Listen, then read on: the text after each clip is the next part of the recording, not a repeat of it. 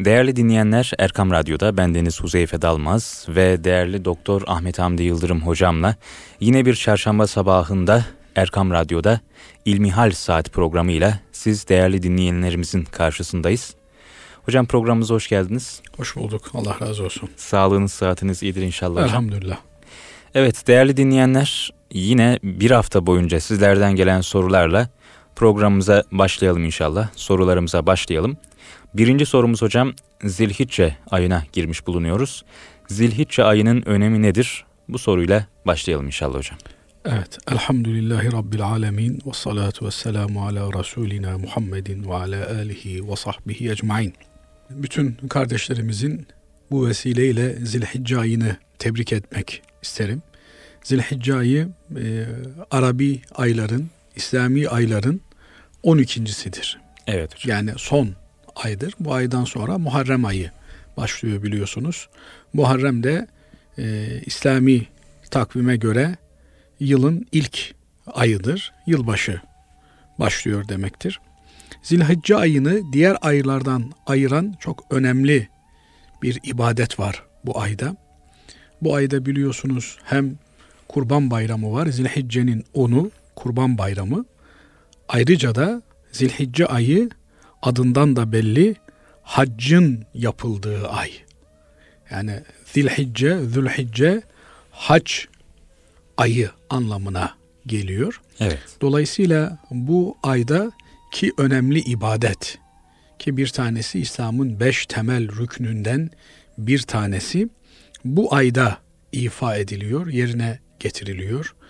Biliyorsunuz hacılarımız artık hac münasebetiyle Mekke'deler, Medine'deler. Bu vesileyle de işte geçen hafta e, Kabe-i Muazzama'da feci bir vinç kazası oldu. Evet, o kazada maalesef. yüzün üzerinde hacımız hayatını kaybetti. Allah katında inşallah şehit olmuşlardır. İnşallah hocam. Bu vesileyle onlara Cenab-ı Allah'tan rahmet diliyoruz. Kalanlarına sabır diliyoruz. Bu ay böyle mübarek bir ay. Ayrıca bu ay Kur'an-ı Kerim'de özel mazhariyete nail olmuş bir ay. Yani Cenab-ı Allah bu ayın içerisindeki ilk 10 güne Kur'an-ı Kerim'de yemin ediyor. Evet. Kur'an-ı Kerim'de bir şeye yemin ediliyorsa, Cenab-ı Allah bir şeye yemin ediyorsa önemine binaen yemin ediyordur. Dolayısıyla e, özellikle de Kurban Bayramı'na kadar olan ilk 10 gün önemli bir ganimet mevsimi, önemli bir fırsat zamanı. Bunu iyi değerlendirmek gerekiyor. Burada farklı ibadetleri yerine getirmek suretiyle dolu dolu bir ibadet hayatı yaşamak Müslüman için önemli. Biliyorsunuz e, geç, bu hafta başı itibariyle e, Zilhicce ayı girmiş bulunuyor. Evet hocam. Artık önümüzdeki e, hafta bayram yapmış olacağız inşallah. Yani bunun anlamı şu, e, Zilhicce ayının ilk 10 gününün çıkmasına bir hafta kalmış demektir. Buna göre bu günlerde ne yapabiliriz? Kaldı ki Efendimiz Aleyhisselatü Vesselam'dan rivayet edildiğine göre e, bu Zilhicce ayının ilk 10 günü en sevaplı olan zaman dilimlerinden birini Müslümanlar için ifade ediyor. Bu günlerde yapılan ibadetler başka zamanlarda yapılan hiçbir ibadetle kıyas edilemeyecek kadar değerli. Evet. Eğer zamansal olarak bakacak olursak yani hangi zaman dilimi İslam dininde en değerli zaman dilimini teşkil ediyor? Elbette ki Ramazan'ın son 10 günü itikaf zamanı en önemli zaman dilimini Müslümanlar için teşkil ediyor. İkinci 10 gün de Zilhicce'nin ilk 10 günüdür. Kur'an-ı Kerim'de ve leyalin aşır Cenab-ı Allah vel fecr ve leyalin aşır fecre yemin olsun ve 10 geceye yemin olsun diyor. Tefsir alimlerimiz bu 10 gecenin bu Zilhicce ayının ilk 10 gecesi olduğunu söylüyorlar. Peki ne yapabiliriz bu mübarek günlerde, zaman diliminde, hayır mevsiminde, ibadet periyodunda neler yapabiliriz? Öncelikle tövbe etmemiz gerekiyor. Yani tövbeden maksat ne?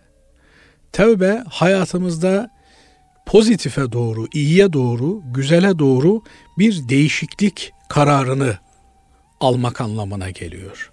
Yani eğer bugüne kadar işlediğimiz, bildiğimiz, yaptığımız bir takım günahlarımız varsa onları bir defa terk etmeye. Efendim ne bileyim kaba saba konuşan biri isek nazik konuşmaya, Müslümanları kırmadan, incitmeden konuşmaya, dikkat etmeye niyet etmeliyiz. Evet hocam. Efendim ne bileyim e, aile hayatında eksiği gediği olan bir Müslümansak bunları telafi etmeye, ibadet hayatında eksiği olan bir Müslümansak bunları düzeltmeye, mesela ibadet hayatında yapabileceğimiz en önemli olumlu değişiklik şuna niyet etmemiz olur ki bundan sonra ben bütün namazlarımı cemaatle kılacağım. Yatsı namazına camiye cemaate gideceğim. Sabah namazına camiye cemaate gideceğim.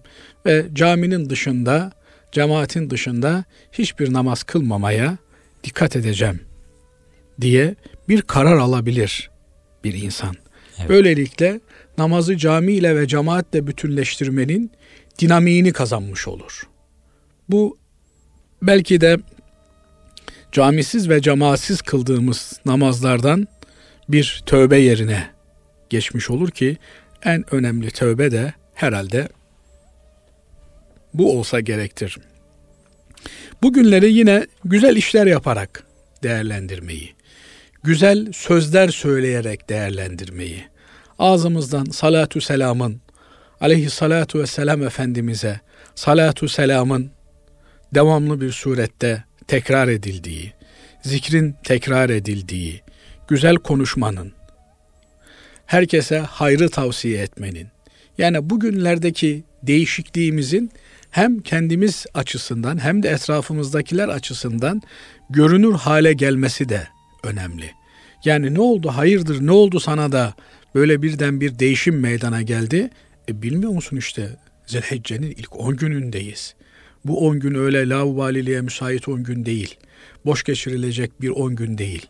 Bu 10 gün gerçekten işte paçaları sıvayıp tabiri caizse yoğun bir şekilde ibadet heyecanını hissedeceğimiz, yaşayacağımız bir 10 gün olmalı. Diğer taraftan yine bu vesileyle günahlarla aramıza mesafe koyabiliriz. Mesela ekranlara küsebiliriz. Şimdi ekranlara küsmek derken ekranda görünmeyi belki bazılarımız anlayacak ama hayır görünmek de belki söz konusu olabilir ama ekranı görmekten uzaklaşmalıyız. Yani tek taraflı bir seyir aleminden çıkmalıyız. Onun yerine insanlarla olan ilişkilerimizi geliştirmeliyiz. Ailemizle oturup kalkmalıyız. Eşimizle, dostumuzla, kardeşlerimizle ziyaretleşmeliyiz. Ama maalesef üç kişi beş kişi bir araya geliyor. Her birinin elinde bir ekran ve o ekrana kilitlenmiş vaziyette herkes adeta birilerinin seyre arz ettiği şeyleri seyretmekle meşgulüz. Oysa birbirimizi görmeye, birbirimizi tanımaya, birbirimizle konuşmaya, hem hal olmaya ne kadar da ihtiyacımız var. Evet. Göz öyle yapıda yaratılmış bir organımız ki bakacak, görecek ve görülecek. Böyle e, interaktif bir ortam bizim ruhi ihtiyacımızı giderebilecek bir ortamdır. Öbür türlü ancak bizim can sıkıntımızı, depresyonumuzu artırır. Bizim sadece başkalarını seyrettiğimiz, başkalarının hayatlarının bize dikta edildiği ortamlar olsa olsa bizim depresyonumuzu artırır. İnsanlar içerisindeki yalnızlığımızı artırır ve kendi kendimize hayata küsmemizi doğurmuş olur. Oysa çok muazzam bir zaman dilimine gelmiş bulunuyoruz. Cenab-ı Allah bu günlerle ilgili Kur'an-ı Kerim'de yemin ettiğine göre büyük bir hadise var bu günlerde. Fecre yemin olsun, on geceye yemin olsun buyuruyor Cenab-ı Allah. Hemen hemen bütün tefsir alimlerimiz bu on gecenin işte bu içinde bulunduğumuz günler ve geceler olduğunu söylüyor. Geceleri bu anlamda ganimet bilmemiz, onları değerlendirmemiz gerekiyor. 10 gün sussun. Ne olur televizyonlar sussun, ekranlar sussun. Veli elinden telefonu bıraksın. Ahmet elindeki kumandayı bir kenara atsın. Evet. Ve bu günleri ki e, haçtaki kardeşlerimiz Kur'an'ın emriyle e, zikirle yaşıyorlar. Haç menasiki zikir yoğun, telbiye yoğun günlerin olduğu bir atmosfer. Biz de onların o e, manevi atmosferine dahil olmaya çalışalım. Çünkü Cenab-ı Allah diyor ki ve yezkurusmallaha fi eyyamin malumat. Malum günlerde Allah'ı zikrederler diyor. O malum günler dediği Kur'an-ı Kerim'in bu günler işte. Evet. Yani Kurban Bayramı günleri, e, Zilhicce'nin bu ilk günleri bu günlerde e, çokça Cenab-ı Allah'ı zikretmemiz gerekiyor, istiğfar etmemiz gerekiyor, tesbih etmemiz gerekiyor. Kaldı ki Hz. Peygamber sallallahu aleyhi ve sellem Efendimiz'den rivayet edilen bir hadisi şerifte Cabir radıyallahu an tarafından rivayet ediliyor. Hz. Peygamber Efendimiz buyuruyor ki Fadlu eyyami dünya eyyamul aşır. Dünyanın en faziletli zaman dilimi bu işte içinde bulunduğumuz Zilhicce'nin ilk 10 günüdür. Bunların benzeri hiçbir şey olamaz. Diyorlar ki ya Resulallah Allah yolunda cihad etmekte bu günlerdeki sevaba denk olmaz mı? Efendimiz Aleyhisselatü Vesselam buyuruyor ki hayır diyor. Ancak diyor bir adam diyor Allah yolunda cihada çıkar diyor. Her şeyini kaybeder. Ondan başka geriye hiçbir şey dönmez. Onun ibadeti, onun kazandığı sevap diyor. Bu günlerde kazanılan sevaplardan üstün sayılabilir. Demek ki böyle muazzam bir zaman periyodunun içerisine girmiş bulunuyoruz. Evet. Yine bu günlerin içerisinde Huzeyfe Bey Arefe günü var.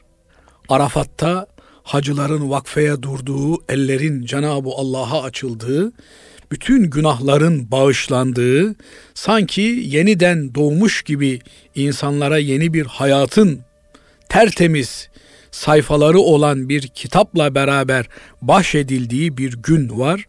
İşte bugün de Zilhicce'nin 9. günü yani bayramdan bir önceki gün Arefe bu günün de iyi değerlendirilmesi gerekiyor. Dolayısıyla bu günlerin neresine bakarsanız bakın bugünler bereket fışkırıyor.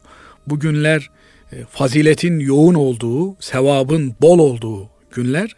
Gündüzlerini bir defa oruçlu geçirmeye gayret etmemiz gerekir.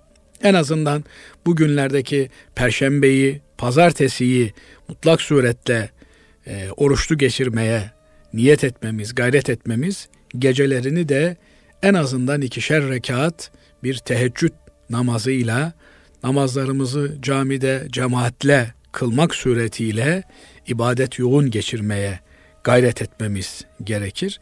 İnşallah Cenab-ı Allah bu günleri namazla, oruçla, sadakayla kimilerimize haç nasip oldu. Onlar haçla, ümreyle de ayrıca taşlandırmış oluyorlar. Bu geceleri ve gündüzleri ihya etmiş oluyorlar.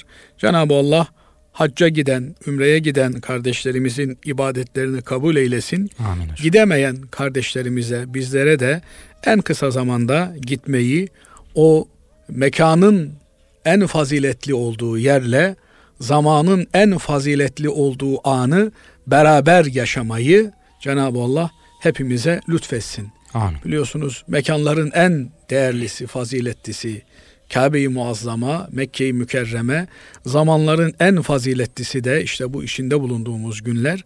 Bunları beraberce yaşayabilmek bahtiyarlıkların en büyüğü. Cenab-ı Allah hepimize bunu yaşayabilmeyi nasip eylesin. Ama tamamı elde edilemeyenin tamamı terk edilmez kaidesi vardır bizde. Dolayısıyla mekanın faziletini yakalayamadık ama zamanın fazileti her yerdekiler için geçerli. Binaenaleyh bu faziletli günleri en güzel şekilde değerlendirelim. Küskünlüklerimizi barıştırmaya gayret edelim. Küskünlüklerimiz varsa bizzat içinde bulunduğumuz onları telafi etmeye gayret edelim. Dolayısıyla İnşallah bu günlerin şuurunda olarak, bilincinde olarak bu günleri geçirmeyi Allah bizlere nasip eder ve o mübarek kurban bayramı sabahına hep beraber arınmış, paklanmış ve farklı bir bilinçlenme ile kavuşmuş oluruz inşallah. İnşallah hocam. Evet, ihmal sebebiyle zamanında kurban kesmeyen kişi ne yapmalıdır? diye bir soru var hocam. Evet biliyorsunuz kurban Cenab-ı Allah'ın hepimize kesmeyi emrettiği bir ibadettir. Ancak imkanı olanlar, mali kudrete, e, varlığa sahip olanlar bu ibadeti yerine getirmekle mükelleftirler. Kurban, kurban bayramı günlerinde kesilmesi gereken bir ibadettir. İbadet kelimesi zaten Allah'a kulluk demektir. Allah'a kulluk Allah'ın istediği ve razı olduğu şekilde gerçekleşmelidir. Dolayısıyla Allah bize neyi, ne zaman, nasıl, ne şekilde yapmamızı emretmişse onu Allah'ın bize emrettiği zamanda, biçimde, şekilde yapmak durumundayız. Kurban ibadeti de Kurban Bayramı günlerinde Allah'a ibadet olarak adanan kurban olabilecek hayvanlarla yerine getirilir.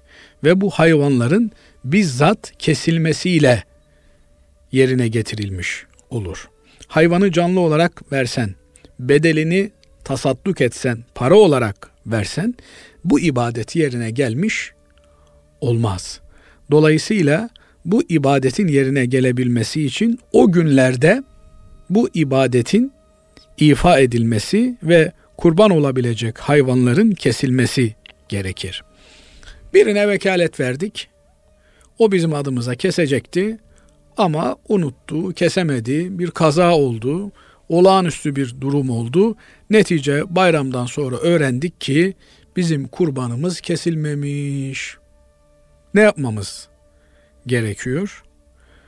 O kurban bedelini fakir fukaraya tasadduk etmemiz gerekiyor. Evet. İşte söz gelimi bin liralık bir kurbandı. O bin lirayı bayramdan sonraya kalmış kesememişsek fakire fukaraya ihtiyaç sahiplerine dağıtmamız ve bu eksiğimiz için gözyaşı dökmemiz Cenab-ı Allah'a el açıp istiğfar etmemiz, tövbe etmemiz gerekir. Çünkü çok ağır bir ihmal suçu burada cereyan etmiş, oluşmuş demektir. Bunun affı için de Cenab-ı Allah'a gözyaşı dökmemiz, af talep etmemiz lazım gelir. Evet hocam. Kurban olacak hayvanlar kaç yaşında olmalıdır? Evet genelde e, kurban olarak kestiğimiz hayvanlar küçük baş, koyundur, koçtur, keçidir. Bunlar bir yaşını bitirmiş olmalılar veya e, anası kadar gösterişli 7 aylık 8 aylık hayvanların da kurban olabileceği mezhebimizde ifade edilmektedir. Dolayısıyla ya bir yaşını fiilen bitirmiş olmalı ya da boyu postu itibarıyla küçük baş hayvanların annesi cüssesinde yani gelişimini tamamlamış 7-8 aylık bir hayvan olması da yeterlidir denilmektedir. Küçük baş hayvanlarla ilgili. Evet. Peki büyük, büyük başa baş. geçtiğimiz zaman yani inekti, öküzdü, o mandaydı, sığırdı bu kategorideki hayvanlara geçtiğimiz zaman bunların fiilen iki yaşını bitirmiş olmaları gerekir. Yani iki yaşını bitirmeye on gün var. Kurban olur mu? Olmaz. Bir gün var olur mu? Olmaz fiilen iki yaşını bitirmiş olmaları gerekir. Bu iki yaştan da maksat iki hicri, kameri, arabi yıldır. E, dolayısıyla bu iki yılı bitirmiş olan hayvanlar ancak kurban olunabilirler. Bir hayvan tosun maşallah bir yaşında ama işte 10 ton geliyor. Kurban olur mu? Olmaz. 100 ton da gelse olmaz. Dolayısıyla büyük baş hayvanda yaş belirleyici bir unsurdur.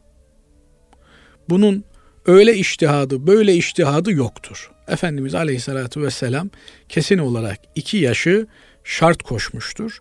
Kurban olabilmesi için hayvanın iki yaşını doldurmuş olması gerekir. Bunun e, yolu da ön kapak dişlerinin e, atması olarak belirlenmiş. Yani ön kapak dişleri atmış olan hayvan iki tane kapak dişi atmışsa iki yaşını doldurmuş demektir. Ama bazen dişlerini kelpetenle çekmek suretiyle orada da hile hurda yaptıkları görülüyor. E, dolayısıyla kurban kesecek olan kimselerin dikkatli davranmaları, bu hususa özen göstermeleri lazım gelir. Evet hocam. Bu hayvanın kurban olabilmesi için devede ki deve pek memleketimizde e, kesilmiyor. Çok nadiren kesiliyor. Deveden de kurban olabilir. O da yedi kişiye kadar e, kurban hissesi olarak e, ortaklaşa kesilebilecek bir e, mübarek hayvan. Onda da beş yaşını bitirmiş olması aranıyor. 5 yaşını bitirmiş olan deve kurban edilebilir. 7 kişi ortak veya bir kişi iki kişi neyse bir deve kesebilirler. Ee, küçük baş hayvanların dışında kesinlikle yaşlarda bir tolere söz konusu değil. Yani 2 yaşını bitirmiş olması muhakkak gerekiyor. Deve ise 5 yaşını bitirmiş olması gerekiyor. Buna dikkat etmemiz önemli. Ee, bir ibadet yapıyoruz. Bu ibadeti ibadet titizliği içerisinde yerine getirmeliyiz. Oldu bittiye getirmek doğru bir şey değil. Aceleye getirmek doğru bir şey değil. Madem bir ibadet, bu ibadeti en olabildiğince titiz şeklinde yerine getirme mükellefiyetimiz var. Evet hocam. Değerli dinleyenler, Erkam Radyo'da bendeniz Huzeyfe Dalmaz ve Doktor Ahmet Hamdi Yıldırım hocamla İlmihal Saati programımıza kaldığımız yerden devam ediyoruz. Kurbanlık hayvanın elektrik veya narkoz şokuyla bayıltılarak kesilmesi caiz midir diye bir sorumuz var hocam. İkinci bölümümüze de bu sorumuzla devam edelim. Evet, kurban olarak keseceğimiz hayvana olabildiğince nazik davranmamız ve e, olabildiğince acıyı az hissedeceği yöntemleri kullanmamız gerekir.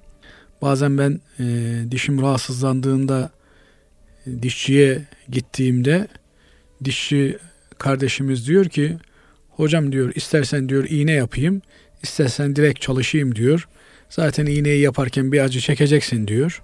Hı hı. Onu çekmektense direkt çalışayım hiç ağzında uyuşmamış olsun.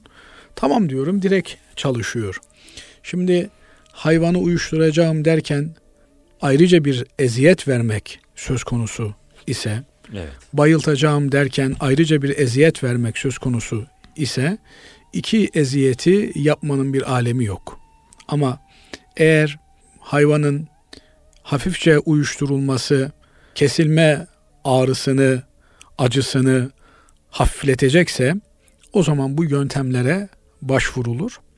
Ee, bunlar hayvanın helal kesimine mani unsurlar olmazlar.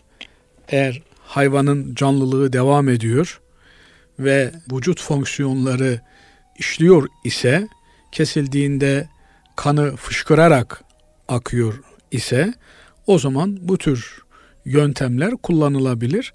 Ama burada dikkat edilmesi gereken husus e, zaten canı yanacak olan hayvanın defaatle azap ve acıya maruz bırakılmaması. Dolayısıyla en az acı verecek yöntemle kesilmesi gerekir. Çünkü o hayvana merhamet etmek kurbanın birinci bize tavsiye ettiği husustur. Zira biz e, o hayvanı gaddarlığımızdan, acımasızlığımızdan kesmiyoruz. Allah'ın bir emri olduğu için kesiyoruz. Allah'ın emri olduğu yerde başka hiçbir mulahazaya değer atfedilmez. Binaenaleyh ama Bununla beraber olabildiğince hayvana merhametli olmaya, ona karşı sevecen olmaya mecburuz. Severek, öperek, koklayarak tabiri caizse tıpkı İbrahim Aleyhisselam'ın İsmail Aleyhisselam'ı kurban etmeye götürürken yaşadığı duyguları yaşayarak o olayı canlandırarak bu kurban ibadetini yerine getirmeye, ifa etmeye gayret ederiz. Bu hususta da merhamet neyi gerektiriyorsa, acımak neyi gerektiriyorsa ona göre davranmakla mükellefiz. Evet hocam. Hac kimlere farzdır diye bir sorumuz var hocam. Evet hac İslam'ın beş temel rükününden bir tanesidir. Elbette İslam'ın farzları bu beş temel rükünün dışında da mevcuttur. Ama bunlar Hazreti Peygamber aleyhissalatü vesselam Efendimizin hadis-i şerifinde yerini bulmuş. Bu niyel İslamu ala hamsin. İslam beş üzere bina edilmiştir. Yani beş temel direkt üzerine, beş temel kolon üzerine inşa edilmiştir buyurmaktadır Hazreti Peygamber sallallahu aleyhi ve sellem Efendimiz. Allah'tan başka ilah olmadığına ve Hazreti Muhammed Mustafa sallallahu aleyhi ve sellemin Allah'ın kulu ve elçisi olduğuna şehadet etmek. Birincisi bu. Namazı dosdoğru kılmak. İkincisi bu. Orucu tutmak, zekatı vermek ve hac ibadetini yerine getirmek. Beşinci rüknü de hac ibadetini yerine getirmektir. Cenab-ı Allah velillahi alen nasi hiccul beyti limen istata'a ileyhi sebila buyurmaktadır. Allah'ın insanlar üzerindeki bir hakkı da güç yetiren kimselerin hacca gitmesidir. Allah'ın evini ziyaret etmesidir. Ayet-i kerime açık bir şekilde burada hac mükellefi olacak kimselerin hac ibadetini yerine getirmeye imkanı olan, istitaatı olan, gücü olan kimseler olduğunu ifade eder. Gücü yeten kimse hac ibadetini yerine getirmekte mükelleftir. Hatta Maliki mezhebi der ki yürüyerek hacca gidebilecekse bir kimse yürüyerek hacca gitmelidir. Onun için Kuzey Afrika'dan, Afrika'dan ki oralar ağırlıklı olarak Maliki mezhebine mensupturlar. Oralardan yaya hacca gelenler olur. İşte 9 ay, 10 ay, 7 ay duruma göre hac yolculuğu yapıp da hacca gelenler söz konusudur. Bazen böyle haberlerde vesairede filan duyarız bisikletli dünya turuna çıkmış işte efendim e, otostop çekerek seyahat yapıyor veya yürüyerek dünya turuna çıkmış. Aynı şekilde eğer bir adam iyi bir bisiklet binicisi ise ve bisikletiyle e, bu haç yolculuğunu kat edebileceğini düşünüyor ise Maliki mezhebi diyor ki binersin bisikletine haccını yaparsın. Ama Hanefi mezhebi hac için rahile ve zat dediğimiz iki unsuru baz alır. Yani rahile bir bineği var ise, hacca kendisini götürebilecek bir bineği var ise, bugün için işte efendim uçak biletini alabilecek bir mali imkana sahip ise, zat da hac yolculuğu esnasında kendi nafakasını temin edebilecek, hacca gidiş, orada kalış ve dönüş esnasında kendi nafakasını temin edebilecek ve de bakmakla yükümlü olduğu çoluğunun çocuğunun diğer akrabalarının nafakasını o süre zarfında temin edebilecek imkana sahipse bir kimse bu kimseye hac ibadeti farz olur denilmiş. Zenginlik açısından. Evet. Ayrıca tabii hac kime farz olur? Müslüman olana farz olur. Akil olana, akli melekeleri yerinde olan kimseye farz olur. Bülü çağına, ergenlik çağına gelmiş olan kimselere farz olur. Ve de işte bu mali imkana, kudrete sahip olanlara farz olur. Tabi günümüzde buna ilaveten bir de ne çıktı Huzeyfe Bey? Kura çıkmışsa adama. Evet. Başka türlü nasıl gidecek? İşte 10 senedir bekleyen kimseler var. İşte e, haçdaki vinç kazasında vefat eden hacılardan bir tanesi 9 senedir haç kurasını bekleyen bir kimse 9. sene işte haç kurası çıkmış. Cenab-ı Allah orada ölmeyi ona nasip etmiş. O topraklara gömülmeyi nasip eylemiş. Dolayısıyla bu imkanlara ilaveten bir de e, yol emniyeti, gidebilirlilik söz konusu olmalı. Yani ne demek yol emniyeti? Eşkıya yolunu kesmeyecek. İşte E, düne kadar biz e, Suriye üzerinden, Irak üzerinden hacca gidiyorduk karayoluyla. Ama bugün buraların tamamı kesilmiş vaziyette. Yani Suriye'de yol güvenliği kalmamış, Irak'ta yol güvenliği kalmamış. Maalesef bütün İslam coğrafyasında güvenlik en büyük problem haline gelmiş durumda. Ümit ediyoruz, dua ediyoruz. Cenab-ı Allah buradaki e, kargaşaları bir an önce Müslümanların lehine sonlandırır. İnşallah Müslümanlara hocam. uyanış nasip eder. Efendimiz Aleyhisselatü Vesselam'ın hadisi şeriflerinde bizlere müjde verdiği bir kadın tek başına Hadramevt'ten şuraya kadar güven içerisinde yolculuk yapabilecek dediği günlere kavuşuruz. İslam'ın hakim olduğu, huzurun, barışın egemen olduğu günlere kavuşuruz ve insanlar inşallah gün gelir ecdadımızın Osmanlı'nın yaptığı ama daha sonra maalesef siyasi çalkantılar yüzünden e, devam edemeyen Hicaz demir yolu hattıyla Ümre'ye hacca gitmek nasip olur. Bugün itibariyle baktığımızda e, eğer vizeniz yoksa havaalanından sizi geri çeviriyorlarsa bu durumda demek ki vizeyi alabilmek de yol güvenliğinin bir parçası şartı haline gelmiş oluyor. E, bunun için işte kura dedikleri yöntemi kullanmışlar. Kura çıkması gerekiyor. Binaenaleyh bu şartları yerine getirmiş olan yani Müslüman olan, akil olan, buluğ çağına ermiş olan, mali imkanı bulunan, kendisine kura çıkmış olan kimsenin derhal hacca gitmesi gerekiyor.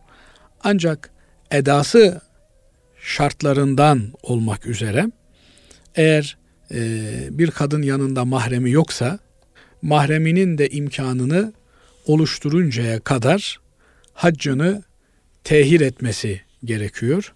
Çünkü kadınların mahremsiz yola çıkmaları, sefere çıkmaları Efendimiz Aleyhisselatü Vesselam'ın lisanıyla kesin olarak yasaklanmış. Hele de hac gibi ulvi bir ibadeti dinimizin yasak ettiği şeyleri irtikab ederek, işleyerek yerine getirmeye kalkışmak doğru bir şey olmasa gerek. Evet hocam. Hac yerine fakirlere sadaka verilebilir mi diye bir soru var hocam. Yine en çok sorulan sorulardan bir tanesi. Hac ibadeti biliyorsunuz Haccetül İslam yani Müslüman olmanın bir şartı olarak neredeyse algılanmış. Dolayısıyla ömürde bir defa hac yapmak farz. Bu farzın yerine gelebilmesi hac ibadetini bizzat ifa etmekle mümkündür. Hac hem bedeni hem mali bir ibadettir. Biliyorsunuz ibadetlerimiz bedeni ibadetler, yani bizzat bedenle yaptığımız ibadetler, mali ibadetler, parayla yaptığımız ibadetler, bir de hac gibi hem bedeni hem mali olan ibadetler diye üçe ayrılmakta.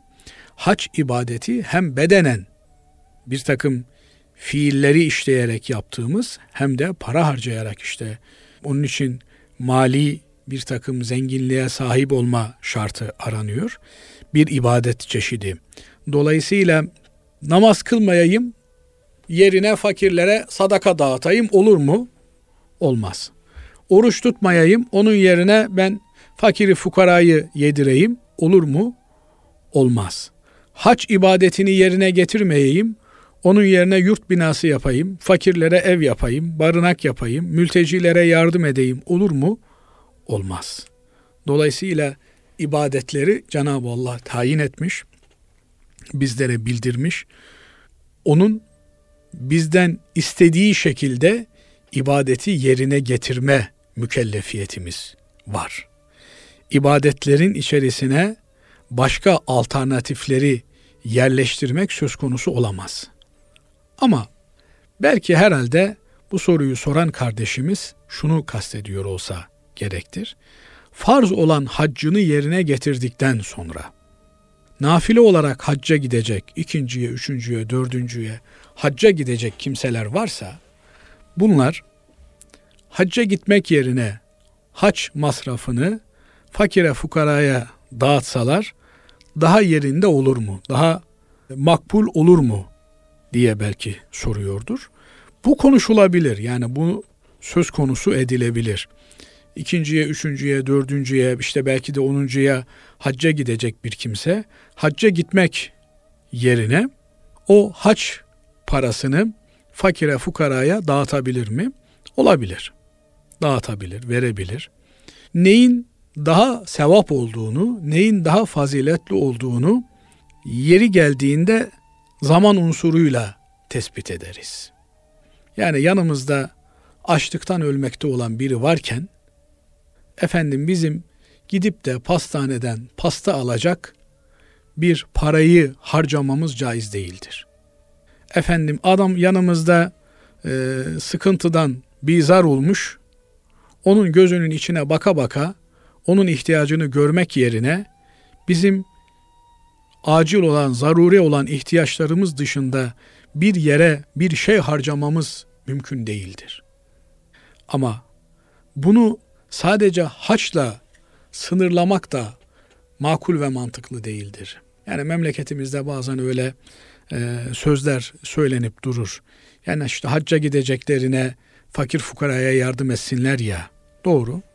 Ama Antalya'ya tatile gideceklerine fakire fukaraya yardım etsinler. Niye demiyoruz? Veya işte e, yazlığa gideceklerine niye demiyoruz? Ha, bunun da anlaşılabilir bir tarafı olabilir. Yani Antalya'ya tatile giden zaten e, vicdanı olsa fakirin, fukaranın hakkını yiyip de böyle bir şeye teşebbüs etmezdi. Hacca gidenler daha vicdanlı insanlardır. Dolayısıyla onlara bunu söylemek lazım gelir babından söylüyorlarsa onun da anlaşılabilir bir tarafı vardır. Fakat bir kimse fakiri fukarayı da gözetiyor. Onların da yanında bulunuyor. Elinden gelen imkanları onlar için de seferber ediyorsa bu kimsenin de haccın manevi atmosferinden tad almasına, lezzet almasına kimsenin karşı çıkmaya hakkı yok. Dolayısıyla işte başta da ifade etmeye çalıştık. Haç günleri zaman dilimi olarak en değerli zaman dilimini teşkil ediyor. Haç mekanı Mekke-i Mükerreme, Arafat mekan olarak yeryüzünün en değerli mekanlarını ifade ediyor. Dolayısıyla hem zamansal hem de mekansal olarak bu fazileti yaşamak isteyenlere de mani olmak doğru bir şey değil. Ama elbette fakir fukaraya yardımı, hayır cihetlerine para harcamayı teşvik etmeliyiz. Evet. Yani hacca 3 lira harcamışsa 30 lirasını da fakire, fukaraya, ihtiyaç sahiplerine, kimsesizlere, yoksullara harcamasını teşvik etmeliyiz. Komşusu açken tok yatan bizden değildir buyuruyor. Burada yatmak bile Peygamber yasak. Peygamber Efendimiz. Yani yatmak bile yasak. Evet. Dikkat ederseniz yani o açı doyurana kadar yatmak sana yasak. Dolayısıyla bırakın hacca gitmeyi, namaz kılmayı, oruç tutmayı o açı doyurana kadar çalışmaya mecbursun. Yatak yüzü göremezsin.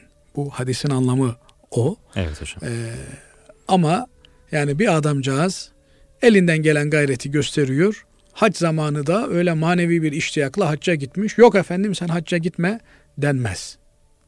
Haccına da gitsin, yardımını da yapsın. Evet hocam. Allah razı olsun hocam. Programımızın sonuna geldik. Sizden de Allah razı olsun. Teşekkür ederiz. Evet, değerli dinleyenler, Erkam Radyo'da bendeniz Huzeyfe Dalmaz ve Doktor Ahmet Hamdi Yıldırım hocamla bir İlmihal Saati programının daha sonuna geldik. Bir sonraki programda yeniden buluşmak ümidiyle hoşçakalın, Allah'a emanet olun.